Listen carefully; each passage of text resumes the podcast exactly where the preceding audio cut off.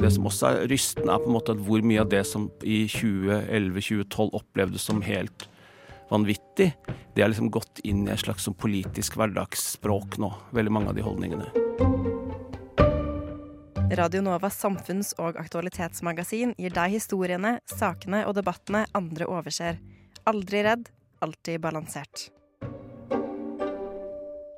Nå i det siste har det vært mye fokus på krigen som skjer i Ukraina. Men det er også mye snakk om hvordan Russland bruker ordet militæroperasjon istedenfor ordet krig. Ordene som blir brukt i krig, har mye å si på hvordan vi opplever krigen, eller konflikten, som noen sier. Ord har rett og slett mye å si. Vår reporter Amalie Sundby har tatt et intervju med retorikkprofessoren Kjell Lars Berge, der han har fått tatt en prat om nemlig dette. Hva var den avgjørende årsaken til at Ukraina kunne mobilisere så umiddelbart og så raskt og så samlet mot Russland? Og da er det jo mange som mener at den talen Zelenskyj holder, den første talen hvor han satt i dress, hvor han da satte grensen og sa ifra at nå er det full mobilisering, nå slåss vi for demokratiet og for det liberale europeiske samfunnet mot det totalitære og aggressive og nasjonalistiske Russland, den, det satte dagsorden. Du har sikkert hørt at pennen er mektigere enn sverdet, og i krig så kan ordvalg være like viktige som militære ressurser for å få et bedre innblikk i retorikkens funksjon i krig og konflikt, tok jeg en prat med en professor ved Institutt for lingvistiske og nordiske studier. Jeg heter Kjell Lars Berge og er professor i noe vi kaller tekstvitenskap. Men jeg underviser også da i retorikk. Vi har en egen utdanning i retorikk og språklig kommunikasjon her på vårt institutt. da. Og jeg har også et kurs i politisk retorikk, da, så dette som foregår nå er jo veldig aktuelt. Kan ikke du eh, si litt hvordan eh, retorikk kan eh, spille en rolle når det gjelder krig og konflikt? Retorikeren og vel alle retorikere, det er jo den greske oratoren og hærføreren Perikles. For å beskytte grekerne mot persernes, altså når de trengte inn i Hellas og skulle ta kontroll over Hellas, så var det Perikles som mobiliserte folket gjennom sine fantastiske taler. da.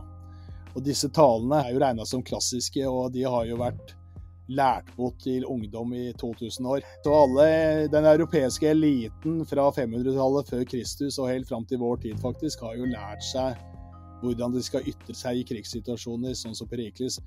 Hvis man tar f.eks. britiske politikere som har gått på eliteskoler, sånn som Boris Johnson, ikke sant? de har jo selvfølgelig, de kan jo lese gresk. De, de, de kjenner jo denne tradisjonen. sånn at det er en lang tradisjon hvor altså forholdet mellom retorikk og altså krigsmobilisering er ganske, ganske etablert. Altså. Det er liksom den lange linjen. Da. En av de lange linjene i retorikken. Da.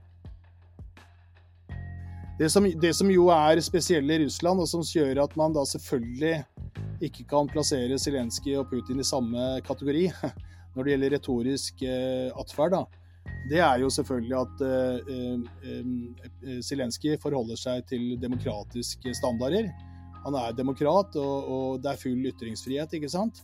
Men ikke sant, som vi vet, Putin han har jo rett og slett stengt mulighetene for å ytre seg fritt i Russland. sånn at vi vet jo ikke Eh, vi får ikke vite liksom, hvor, hvem som er uenig med han. Altså, alle forventes å være enig med Putin, og hvis de ikke er enig med Putin, så blir det kasjotten. I begge tilfeller, uansett om det er Zelenskyj eller er Putin, så er det rett og slett eh, mobilisering via retoriske ytringer. Og Zelenskyj er jo helt opplagt uh, seierherren.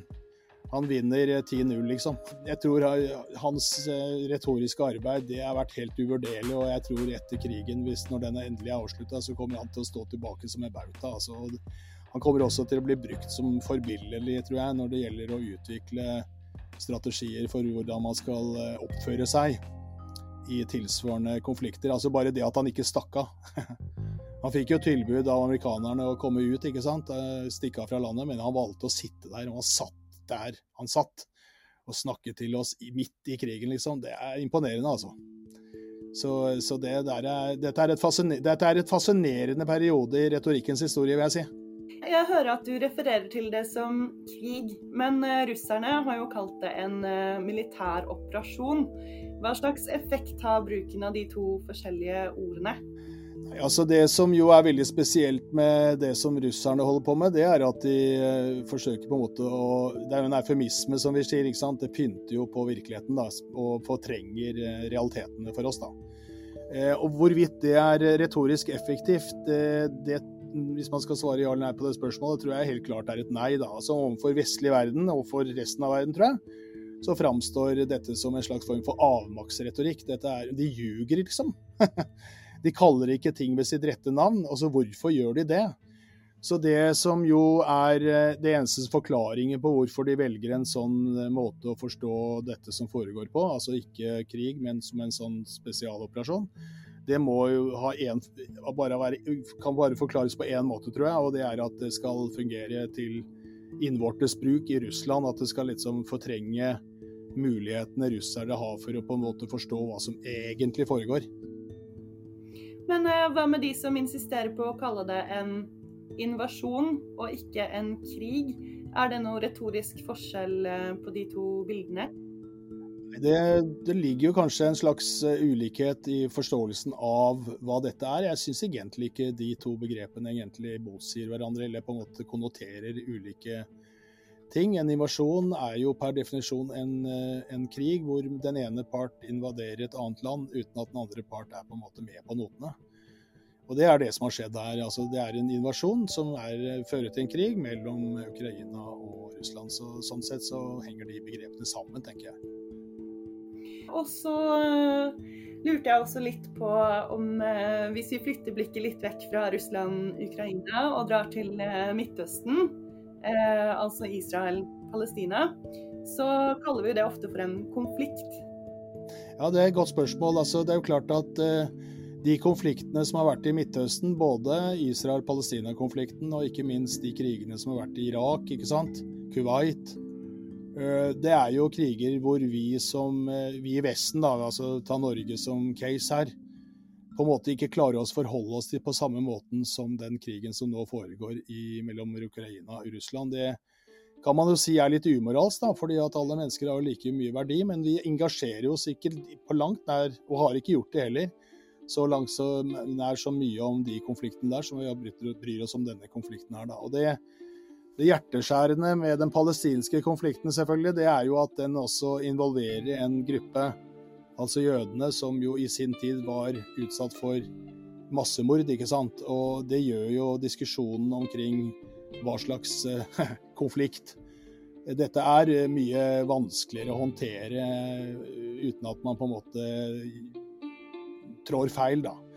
Så den er jo den er jo veldig ødeleggende for palestinerne, først og fremst, som jo er den underlegne part her. sånn, og den eh, israelske majoritetsbefolkningen, som jo er jøder, de utnytter jo eh, dette andre verdenskrig-kortet for det det er verdt, dessverre. Slik at eh, vi klarer på en måte ikke i Vesten å snakke om dette uten at vi blir beskyldt for det ene og det andre. ikke sant? Det skal jo ikke mye til ikke sant, for å være kritisk med Israel før du blir beskyldt for å være antisemitt, f.eks. Så det er, jo, det er, jo, forferdelig, for det er jo ingen tvil om at det Israel holder på med, er jo, er jo en slags form for skal man si for noe, det er jo en slags form for Det er i hvert fall undertrykkelse, og det er en systematisk eh, Altså, de tar jo fra palestinerne deres rettigheter, landområder og sånne ting. Eh, og dette her er jo helt anerkjent av FN og av seriøse organisasjoner, sånn som Amnesty osv. Så, videre. så det kan ikke være noe tvil om hvordan innsatte folk som driver med konfliktforskning, og som kjenner liksom de mellomstatlige reglene, folkerettslige reglene, de er jo helt tydelige på at Israel er er den, den parten som gjør, eh, som gjør, de feile tingene. Da. Men eh, når vi bruker ordet konflikt, er det da litt implisitt at vi har to likestilte parter? Ja, det vil jeg si. Altså, konflikt eh, innebærer, vil jeg si semantisk, en slags likevekt mellom to parter. Ja. Mm, altså Da er det ingen altså Da kan man, ikke avgjøre utgangspunktet hvem som er den som er overgriper, og den som blir utsatt for overgrepet. Så det vil jeg enig med deg si. Altså, så den, den, saken i eh, hva vi skal kalle f.eks. Israel-Palestina-konflikten, da, for å bruke konflikt, eh, som fanger reelt det ulike forholdet det er mellom Israel og disse palestinerne. Det er jo klart det er jo krevende. Altså, det er jo ikke direkte krig heller, men det er en slags form for vedvarende eh, skal vi si for noe eh, Ja, hva skal vi kalle det? det er ikke lett. Det var vår reporter Amalie Sundby med et intervju med retorikkprofessoren Kjell Lars Berge. Musikken var hentet fra Blue Dot Sessions. Vi skal på en reise fra Radio Nova på Chateau Neuf til Stortinget, og videre til en norsk EU-ekspert og lobbyist.